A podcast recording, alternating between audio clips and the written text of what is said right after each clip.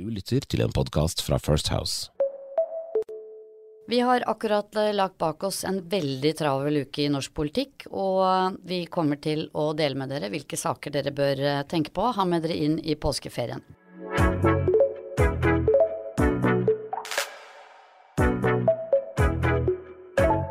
Velkommen til Skjæringspunktet. Dette er podkasten som handler om saker nettopp i skjæringspunktet mellom politikk og næringsliv. Mitt navn er Cecilie Ditlev Simonsen, og med meg i studio har jeg First House-partnerkollega Sigbjørn Aanes Hei, hei. og Jon Georg Dale. Her. I dag må vi snakke om lakseskatten, og vi skal snakke om politisk kalender. Og det faste innslaget er selvfølgelig ukens hodepine, og det vil ikke overraske noen av dere som har begynt å lytte på oss fast, at Sigbjørn har hatt en del vondt i hodet, også denne uken. Så har vi fått eh, mange tilbakemeldinger siden sist. Ris og ros, fortsett å sende oss det, dere, fordi vi har lyst til å bli skikkelig gode på det her.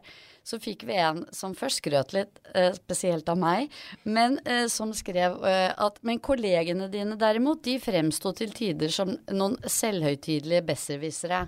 Og nå ser jeg på deg, Sigbjørn. Ja, nei, jeg tenker det er en presis beskrivelse, men, men, eh, men eh, fryktelig ydmykt av deg å si at skrøt særlig av meg.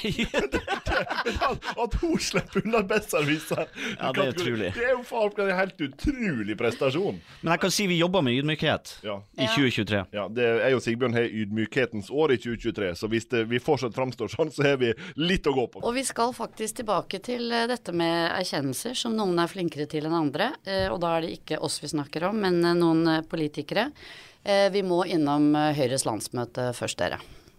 Hva, hva, liksom, hva er de store sakene derfra? Nei, de store sakene der uh, er jo for så vidt uh, kanskje lakseskatt som tok en del fokus, som vi kommer tilbake til senere. Men, men aller viktigst uh, tenker jeg at det er greit å bruke noen ord på det som er Ernas lederstil og privilegiet som partileder etter 19 år. Jeg har aldri sett, eh, og jeg tror ikke vi kunne sett i noe annet parti heller, en partileder som så enkelt kan gi fullstendig bang i egen partiorganisasjon. Så må du forklare til de som eventuelt ikke har fått det med seg. Det skal jeg gjøre, fordi at uh, Rogaland Høyre vinner gjennom en res resolusjon på årsmøtet som i korte trekk sier at i Norge har vi felles gjennomføring av klimamål med EU, bortsett fra på skog, for det regner vi annerledes enn EU gjør. Vi bør regne det likt. Det får flertall på Høyres landsmøte. Og så rekker Erna opp hånda og går på talerstolen og sier jeg er ikke sikker på om landsmøtet gjorde noe helt smart nå, så jeg foreslår at dere bare tar denne voteringa en gang til, jeg. og så gjør dere det som jeg mener er lurt. Og så gjør landsmøtet det, og det? tre fjerdedeler snur, og bang, så er det solid flertall for Ernas standpunkt. Og det, liksom, det, det viser på en måte en leder som har enormt autoritet, som kan bruke det på en måte som jeg tror ingen andre partiledere i Norge kunne ha gjort, men som også er åpenbart til så mye selvtillit at før eller senere så må det gå fryktelig gale. For du kan ikke banke ditt eget parti i åpent lende veldig mange ganger som leder. Jeg kan ikke la være å spørre hva du tenkte om det, Sigbjørn. Nei, eh, jeg tenker at eh, det, det er noe du bruker veldig, veldig sjelden, og vet at den kvota er ikke, er ikke høy, men, men det som Jon Georg sier, det er, det er ikke bare en partileder med selvtillit, det er et parti med høy selvtillit, og, og det ser man også på dette landsmøtet. og det, det, det er bra å ha god selvtillit, men det er også noe av det som, som eh, kan gjøre ting vanskelig, det er at hvis jo høyere du flyr på målingen og høyere selvtilliten er, nå høres det jo rart ut at jeg sier akkurat dette, men jo mer ydmyk må du være. Og, eh, og, og der tenker jeg at, at partiet må passe på å ikke, ikke bli for høy pga. målingen. Ja, og det, det tror jeg du har rett i, men, men jeg mener jo liksom hvis, hvis vi tenker liksom eh, til andre deler av norsk næringsliv, da. Hvis du i utgangspunktet har tapt en sak, så er det veldig få ledere som etter å ha, eller administrerende om du vil, som etter å ha tapt et, mø- votering i et styre eller lignende, bare kan si tror jeg, foretrekker at dere ombestemmer dere. Så kan ikke dere bare ta og gjøre det. Og så får det til. uten at Det er liksom, det er ikke så mye som ei ripe i lakken. Det bare turer og går. Og det, det tror jeg på en måte sier noe om Ernas posisjon, men det er jo etter min oppfatning også helt på grensa til uttrykk for en partikultur som ingen parti egentlig ønsker seg, nemlig at det skal være så mye autoritet på ledernivå at du kan snu det som er grasrotbevegelsens politiske standpunkt, i plenumsmøte for åpen mikrofon og med fullt innsyn fra norsk presse. Så eh, hvis jeg hadde Hvis noen har prøvd dette her i Frp den tida jeg var med, f.eks., så hadde jeg fått juling i etterkant. Det har aldri blitt akseptert. Og her ser liksom det sånn Ja, det er nå snart påske. Så Erna stikker rett fra landsmøtet og ned på, ned på feriekolonien i Spania for å ha møte med partifolka sine der uten ei ripe i lakken. Det er imponerende ledelsesutøvelse. Andre ting fra Høyres landsmøte? Ikke så jeg husker. um, dere, vi har um, Vi spiller inn podkast i dag, og det er fredag før påske. Uh, og i dag er det altså en hel haug av saker som blir uh, behandlet i statsråd. alltid saker i statsråd på fredager, men i dag ekstra mange. Og i går på Stortinget så var det også veldig mange representantforslag som ble fremmet. Vi begynner med det siste først. Hva er et representantforslag, Jon Georg? Et representantforslag er den enkelte stortingsrepresentant og partienes mulighet til å få fremma politiske saker til behandling i Stortinget. Og Det betyr at på den måten kan de be om at regjeringa gjennomfører initiativ. Eller de kan vedta direkte uh, beslutninger som har uh, direkte konsekvens uh, på flere ulike saksfelt. Og det, det, er et slikt representantforslag, såkalt Dok 8.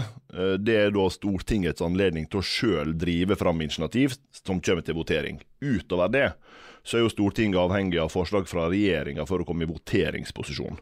De kan mene mye om mangt, men det er først enten ved et Dokument 8-forslag, representantforslag, eller ved saker fra regjering du kommer i direkte voteringssituasjon. Så her fikk regjeringen mange arbeidsoppgaver fra ulike stortingsrepresentanter, da. Det kommer de til å få, for det er det som er interessant. For grunnen til at regjeringa nå er hastverk med å få lagt fram mest mulig på dagens statsråd, øh, og for så vidt også Stortinget i sitt siste møte kommer med en drøss av forslag før påske, det er fordi at hvis du fremmer de forslagene før påske, så er du garantert, i henhold til saksbehandlingsreglene i Stortinget, at den saka skal ferdigbehandles før sommeren. Så i løpet av de tre neste månedene nå, så vet vi egentlig hva Stortinget kommer til å være opptatt med på veldig mye gjennom hele våren. Fordi disse forslagene skal til endelig votering før Stortinget tar sommerferie og før valgkampen starter. Så på veldig mange måter nå så vet vi hva som kommer til å være den politiske dagsordenen, hva politikerne kommer til å bry seg om, hva slags saker en eh, norsk næringsliv kan direkte påvirke fordi det allerede er i gang, eller hva slags saker de kan koble seg opp på fordi Stortinget allerede har det i prosess, og du kan komme inn med innspill og, og ulike inngangsvinkler til det. Så vi er på en måte, basert på det som vi får vite de siste dagene nå, ganske god oversikt over hva som kommer til å bevege seg i norsk politikk de neste tre månedene. Og da er det naturlig å spørre liksom, hva tror vi blir de eller hva vet vi da nå er de aller største sakene med betydning for næringslivet denne våren? Nei, først og fremst så kommer det til å handle om disse skattesakene. Vi skal også komme tilbake til grunnrenteskatt på laks, men, men det også, pågår også en prosess med grunnrenteskatt på vind, eh, som kommer til å prege, prege, våren. Men ikke minst går vi jo inn mot en valgkamp der eh, vi vet at alltid saker som eldreomsorg eh, står veldig, veldig høyt på dagsorden. Der vil det bli en diskusjon også om offentlig-privat, eh, hvor også næringslivet og en del aktører er veldig opptatt av det. Men jeg tror også vi ser konturene av at i lokalvalget nå så er det et par saker som er viktigere enn tidligere. Det ene er, er hele kraftindustrispørsmålet. fordi at Før så det, skjedde mye på Stortinget, nå er du veldig avhengig av lokal tilslutning for å få bygd kraft. og Skal du bygge industri, så er du avhengig av kraft. Og, og, og, Der blir det viktig hvilken type eh, lokale kommunestyrerepresentanter som kommer inn. Det andre er på eiendomssida. Der er spesielt i store byene. Der er store utfordringer på eiendom, altså i disse plan- og bygningsetatene i storbyene. Det går tregt, utbyggerne får ikke svar, eh, de får, klarer ikke å behandle saker. Det tror jeg også kommer til å bli veldig viktig både for næringsliv eh, og andre dette våren og høsten. Og så ser vi at Stortinget nå kommer med mange forslag på områder som, eh, der det preger av sterk prisvekst. Altså eh, forbrukerpriser, totalbelastninga for eh, privatfolks økonomi betyr, kommer til å bety mye for Stortinget gjennom de neste månedene. og Vi ser mange forslag som handler om det, og som også berører mange, bransj, mange bransjers mulighet til å faktisk hente ut margin. Liksom sterkere krav til regulatoriske endringer, eh, sterkere krav til konkurranse på noen sider, eller begrense konkurransen på andre. Så der er på en måte mange dimensjoner i det. Og så får vi et par saker som alltid preger våren i tillegg, f.eks. type jordbruksoppgjør, der også priser på mat for eksempel, blir sentralt. Så det er mange ting som kommer nå de, de neste ukene og månedene. Så får vi jo etter hvert et revidert nasjonalbudsjett. Er det noe å glede seg til der, Tovi, for næringslivet? Det i hvert fall som eh, kan skje, er jo at den såkalte skatteinngangen er bedre enn en regjeringa hadde trodd. Og at man dermed også kanskje får litt penger til overs eh, som man vil legge inn i kan du kalle det inn i en valgkamp som, som kommer til, til gode saker. For en finansminister som sitter på budsjettkonferanse om revidert nasjonalbudsjett, så bruker de alle eh, finansministre på tvers av parti, de bruker samme foil. Da sier alle finansministre jeg vil minne om hva denne konferansen handler om. Dette er en teknisk revidering av budsjettet. Her er det ingen Det er ikke noe, sånn, det er ikke noe påske her er, det, her, er det, her er det ingen rom for politiske krumspring. Det sier alle finansministre i inngangen til det i, i den budsjettkonferansen. Og så starter hans opprekninga med alle krumspring som du gjerne vil finne på, fordi det er valg i år. Ja.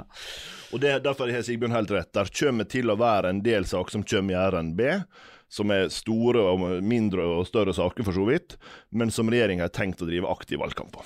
Og til alle dere som da ikke driver med politikk til daglig, RNB, det er liksom eh, kjerneforkortelsen for eh, revidert nasjonalbudsjett. Korrekt. Det er ikke sikkert alle har fulgt så nøye med på saken om eh, grunnrenteskatt på laks. Kan vi først bare begynne med liksom, hva handler den saken om, Jon Georg? Den handler om at uh, oppdrettsnæringa, på samme måte som f.eks. olje- og gassindustrien allerede hatt det, får en spesiell, særlig skatt for å utnytte naturressursen. Og Den har du definert i oppdrett til å være ha hav- eller sjøområder. Og hva er grunnen til at den kommer nå? Hvorfor har ikke den vært der i årevis? Den kom et utvalg og foreslo å innføre i 2019. Da, eh, etter mye om og men, og delvis kamper på borgerlig side, så valgte eh, daværende regjering, som bestod av Høyre, og Frp og KrF og Venstre, å legge vekk det forslaget. eh, For deretter å heller foreslå en produksjonsavgift. Så der har vært en viss skattlegging på oppdrettsnæringa i stedet for grunnrenteskatt. Så eh, har ikke det gitt høyt nok proveny for staten, altså det har ikke vært nok skatteinntekter. Og Grunnen til det er jo at regjeringa har sagt at de som har de sterkeste skuldrene, bør bære den tyngste børa. Det har de lovt før valget. Så mener de da at punkt én Oppdrettsnæringa er en sånn eh, bransje med veldig høy lønnsomhet og for så vidt høy skatteevne. Så kombinerer han det med et prinsipp som på en måte mange partier slutter seg til, nemlig at hvis du skattlegger på en måte som gjør at du skattlegger naturressursen, så er det en ressurs som ikke kan flyttes. Ergo er det en skatt som per definisjon er lite sensitiv for å direkte føre til utflytting. Så det er liksom en trygg skatt å innføre uten at eh, næringslivet bare kan ta med seg pengene og reise en annen plass og produsere det der. Og Derfor er det liksom breide, bredt prinsipp om at grunnrenteskatt er en fornuftig måte å skatte på. Og så har du hatt kombinert det med et ønske om å få inn større inntekter for å bruke til fordeling eh, av dagens regjering. Og hva skjer nå? Nei, det Nå blir det veldig spennende å se. Jonas Gahr Støre, når han og, og finansminister Vedum la fram dette, så inviterte Jonas Gahr Støre til et bredt forlik. Eh, Og bredt forlik er ofte lurt, for det har vært mye diskusjon om politisk risiko og uforutsigbarhet rundt rammevilkår som følge av de skatte, kan du si, de overraskende skatteprosessene som denne regjeringa har lagt opp til. Og det er klart at Brede forlik da på tvers av rødt og blått eh, vil gjøre at, eh, at man opplever at dette står lengre og er mer forutsigbart over tid. Så, det, så Sånn sett så er det veldig, veldig klokt tenkt å få til et bredt forlik. Andre grunn eh, til Støre og Vedum ønsker dette, og kanskje spesielt Vedum, er jo at de har et SV på ene sida som har lyst til å skru til denne skatteskruen for, eh, for sjømatnæringa langt tøffere. Eh, og det er klart at hvis de får med noen på å kalle den andre sida, så balanserer det ut posisjonene litt, eh, sånn at de ikke ender opp med å bli sittende alene med SV, og dermed kanskje risikere å måtte, å måtte vedta en grunnrenteskatt som er mye verre for næringa enn det også regjeringspartiene mener er forsvarlig. Derfor er også et bredt forlik av de to årsakene eh, nok. Men så blir det jo ikke et veldig bredt forlik heller. Nei, vi, jeg har, eller vi har, har nok ikke veldig stor tro på det. og noe av bakgrunnen for dette er jo at den debatten som har pågått siden dette overraskende kom 28.9, har gjort at det politiske rommet for kompromiss her er nesten ikke-eksisterende, for denne, denne, saken er blitt så politisert, som man så på Høyres landsmøte, hvor det var, det var ganske heftig og et ganske klart eh, vedtak fra Høyres landsmøte og beskjed til partiet om at grunnrenteskatt vil vi ikke ha. Eh, og det gjelder i mange partier har denne debatten vært, vært tøft, og ofte så trenger du et handlingsrom for kompromiss. Det er veldig lite i denne saken. sånn at, sånn at eh, for Høyre og Frp så har du jo ikke, du har ikke noe særlig å gå på for å kunne inngå noe kompromiss. Hvorfor er denne saken blitt så betent, så politisk vanskelig? Fordi at den kom ikke med utgangspunkt i det som vanligvis skatteendringer gjør, nemlig et prinsipp, breide forlik rundt prinsipper, og deretter en diskusjon om sats. Det har vi hatt i de fleste sammenhenger når det har gjort store skattemessige, strukturelle endringer. Det hadde vi ikke denne gangen. Det gjorde at for mange kom dette veldig brått på, og det skapte enorme reaksjoner. Og fordi at også volumene er så høye, så slår det ganske kraftig inn i de bransjene som blir ramma. Men det som er interessant her, er jo at i, når Jonas Gahr Støre sier at han ønsker forlik, så er jeg enig med Sigbjørn. Det er smart ting å gjøre. Han burde jo antagelig gjort det tidligere. Men han har samtidig redusert handlingsrommet for et forlik. Fordi nå justerer jo regjeringa sitt eget forslag på flere områder ikke uventa. Det var jo en del av vår analyse allerede i, fjor høst, at på noen parametere kom de til å gjøre det. Men når de har tatt ut gevinsten av det sjøl, og du samtidig skal holde oppe skatteinntektene, så betyr det at de har ikke noe forhandlingsgevinst. De har ikke noe å gi, for de har allerede gitt det. De har ikke noe forhandlingsgevinst å gi vekk til andre partier som er med på dette, uten at de svekker inntektene fra skatten. Og Da reduserer du handlingsrommet for det breide forliket du vil. Men hvorfor, men, hvor, ja, men, hvorfor, tror du at de har gjort det på den måten? Fordi de måtte redde uh, egen bak først. Uh, og, og, det betyr? Og det betyr at de måtte gjøre forbedringer i det forslaget de hadde laga, fordi det slo for skjevt ut uh, mange plasser, og de klarte ikke å stå i det. Men det som de da samtidig gjorde, var å redusere sannsynligheten for å få til et bredt forlik. Men det, og det er jo der så interessant, fordi at når de la fram dette, så var provenyet, altså hvor mye skatteinntekter det skulle gi, var nærmest det viktigste, og de sa at provenyet skal stå. Når de legger fram en, ny modell, så sier Støre og Vedum de vil ikke si hvordan proveny de beregner at, eller hvor mye skatteinntekter dette skal gi. De, de, har, de, de har, ikke lyst til å oppgi tallet engang. Eh, for nå sier de at det er systemet som er viktigst. Og, og det gjør de jo for de vet at, at uh, dette vil gi en skattebelastning som er langt høyere enn det de opprinnelig sa. Selv om de har redusert satsen, så vil, så vil skatten denne næringen måtte betale, bli langt høyere. enn og det, det, er, det er også et bevis på at de prøver å holde opp et visst handlingsrom for politiske kompromiss gjennom et forlik. Fordi hvis du ikke har sagt et tall som er der ute, så kan du regne provenyet etter du har inngått et forlik, og med det på en måte sørge for at du har et visst spillerom i den fasen. Jeg lurer på, Kan denne saken, og hvordan den nå har spilt seg ut, kan den ha konsekvenser for andre saker knyttet til andre skattetemaer fremover? Eh, ja, det kan det. Det kan f.eks. ha direkte smitteoverføring på de som er forslaget på grunnrenteskatt på vind. Så det, det, det, tror jeg vi kan se. Men det som også er interessant, er at hvordan denne saken enda kan si noe om hva slags handlingsrom det er på de sakene fremover. Og jeg, som Sigbjørn var inne på, det mest sannsynlige nå er jo at uh, Arbeiderpartiet og Senterpartiet må finne ut av dette i direkte budsjettforhandlinger med SV.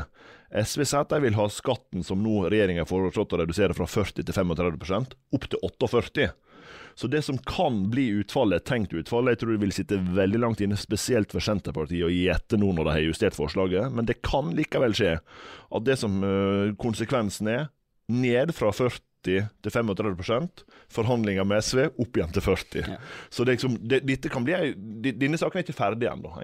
Men hvis det da blir dette smalere forliket enn Jonas Gahr Støre ønsket seg, hva vil da skje med denne saken når det eventuelt blir et regjeringsskifte. Ja, og det er det interessant, for jeg tror mange nå satser på at eh, du ikke skal få et bredt forlik, men at du skal få en ny regjering som fjerner denne skatten. Og det er klart at hvis den gir i 20 på 2026-budsjettet, hvis denne skatten gir 8-10 milliarder i skatteinntekter, så er det ikke bare bare å fjerne den eh, i, i, et budsjett.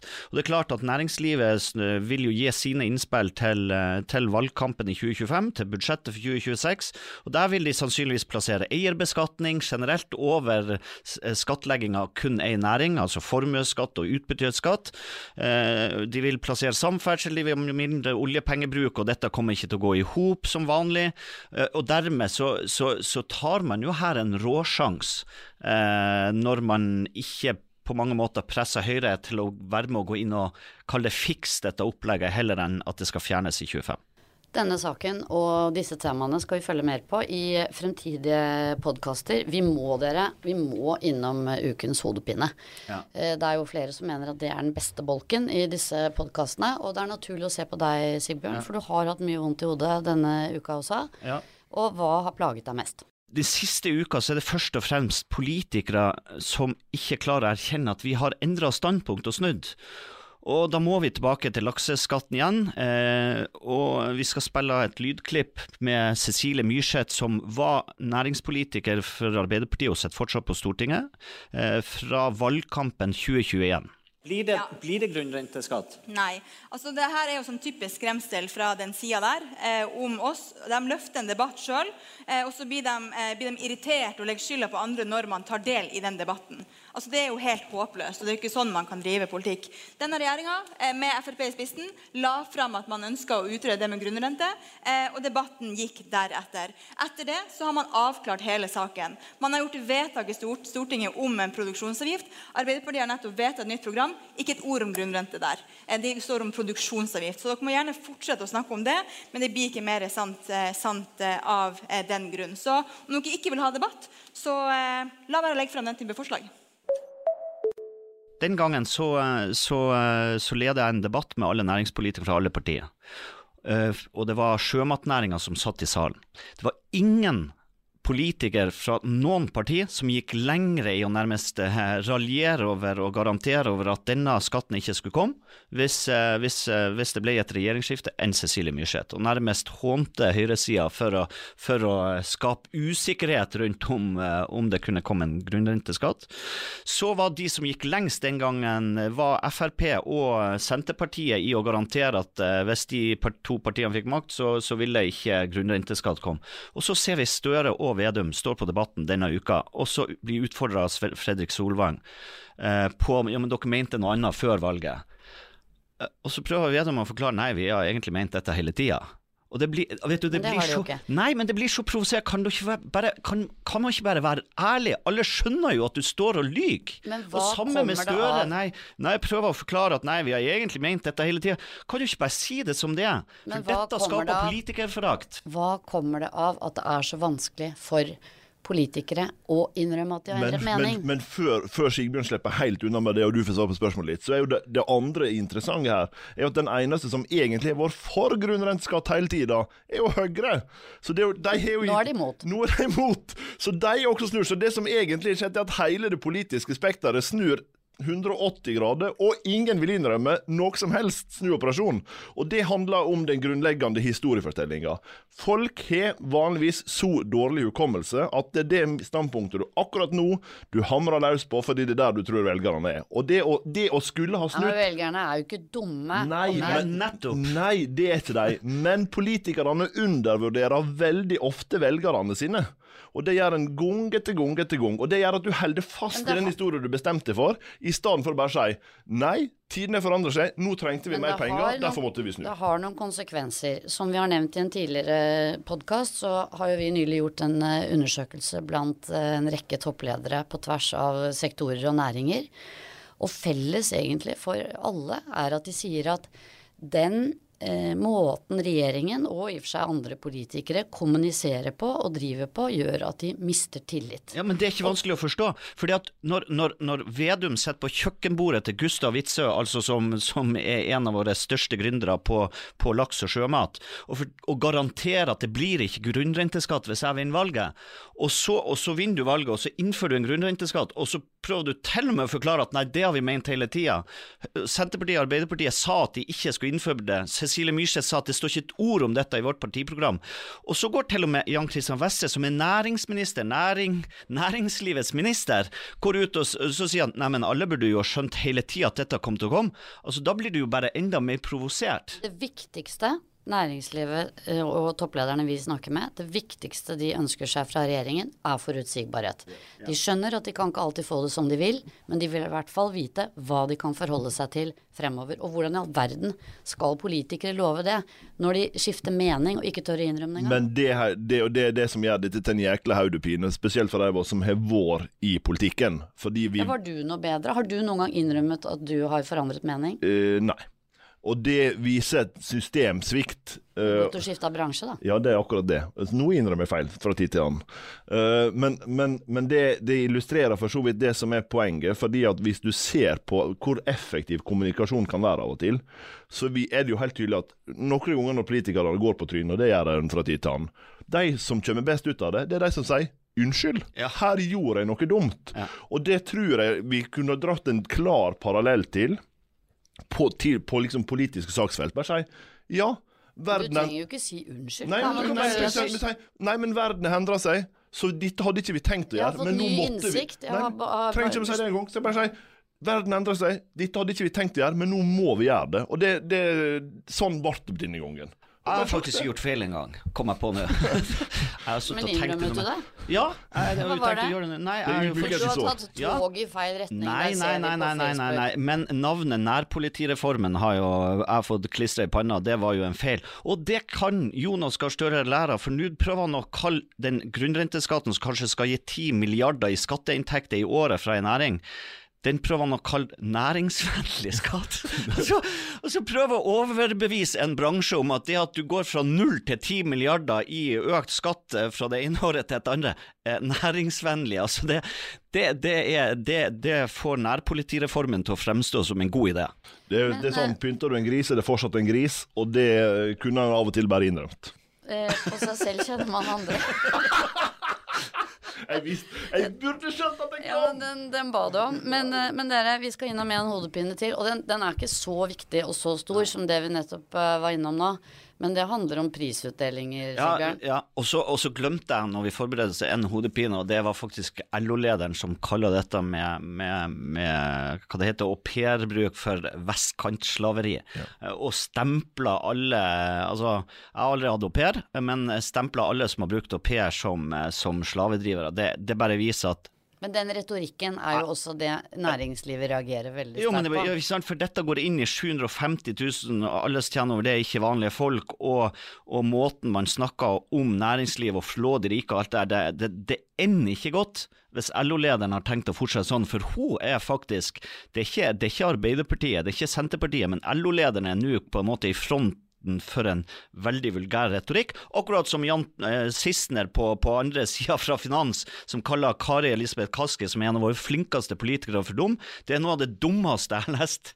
Eh, kan stemple det. Sånn at, at Men eh, noen må ta seg sammen. retorikken skaper i hvert fall kløft og konflikt. Ja, uten tvil. Og det, det, det, det er ingenting som blir bedre. Verken av Sissener eller LO-lederen. Så jeg bare plutselig Ja, kom nei, på det. men eh, Ja, for det du har du fyrte meg litt opp. Jeg ser det, du har rød kinn og det han har flere saker på lager, så spørsmålet vet er bare det. hvor lang skal denne podkasten bli? Det er egentlig det det den, handler om. den skal ikke være så mye lenger, men du må bare nevne alle de teite folka i beslektede bransjer som Ja, ikke sant. Kom kommunikasjon, og spesielt reklamebransjen eller markedskommunikasjonsbransjen. Jeg får altså nesten daglig opp eh, Facebook-statuser, andre statuser og kampanje.com og andre hvor man har vunnet priser. Vet du hva, dette er en bransje som driver og deler ut til priser til seg sjøl hele tida. Jeg er sikker på at mange av de betaler for å få disse prisene. First Det er litt- er aldri- vi er aldri ah, nei, nei, med nei, på det- sånne Det er konkurranser. helt utenkelig. Men dette er litt som 40-åringen som går en tre kilometer skitur og så får sånn medalje for å ha deltatt. Altså, det er, det er rett og slett Du harry. snakker om Dette- Birken-merket. Det er litt lenger det er enda er, verre. dette er Sigbjørn som er dritsur for at han aldri har fått den hyllesten han fortjener i en eneste kåring. Dette er bare det. Se på han, da. Ja, prøv å tenke. Du skulle hatt det på video, ok. Men Da har vi vært innom eh, hodepinen. Politisk kalender. Eh, vi eh, starter jo med å si at det har vært veldig mange saker som kom til behandling før påske. Og så kommer folkehelsemeldingen også faktisk i dag. Den kan ha konsekvenser for også for skattlegging. Ja, fordi at selv om det ikke kan ha liksom, direkte konsekvenser på forslag nå, på det.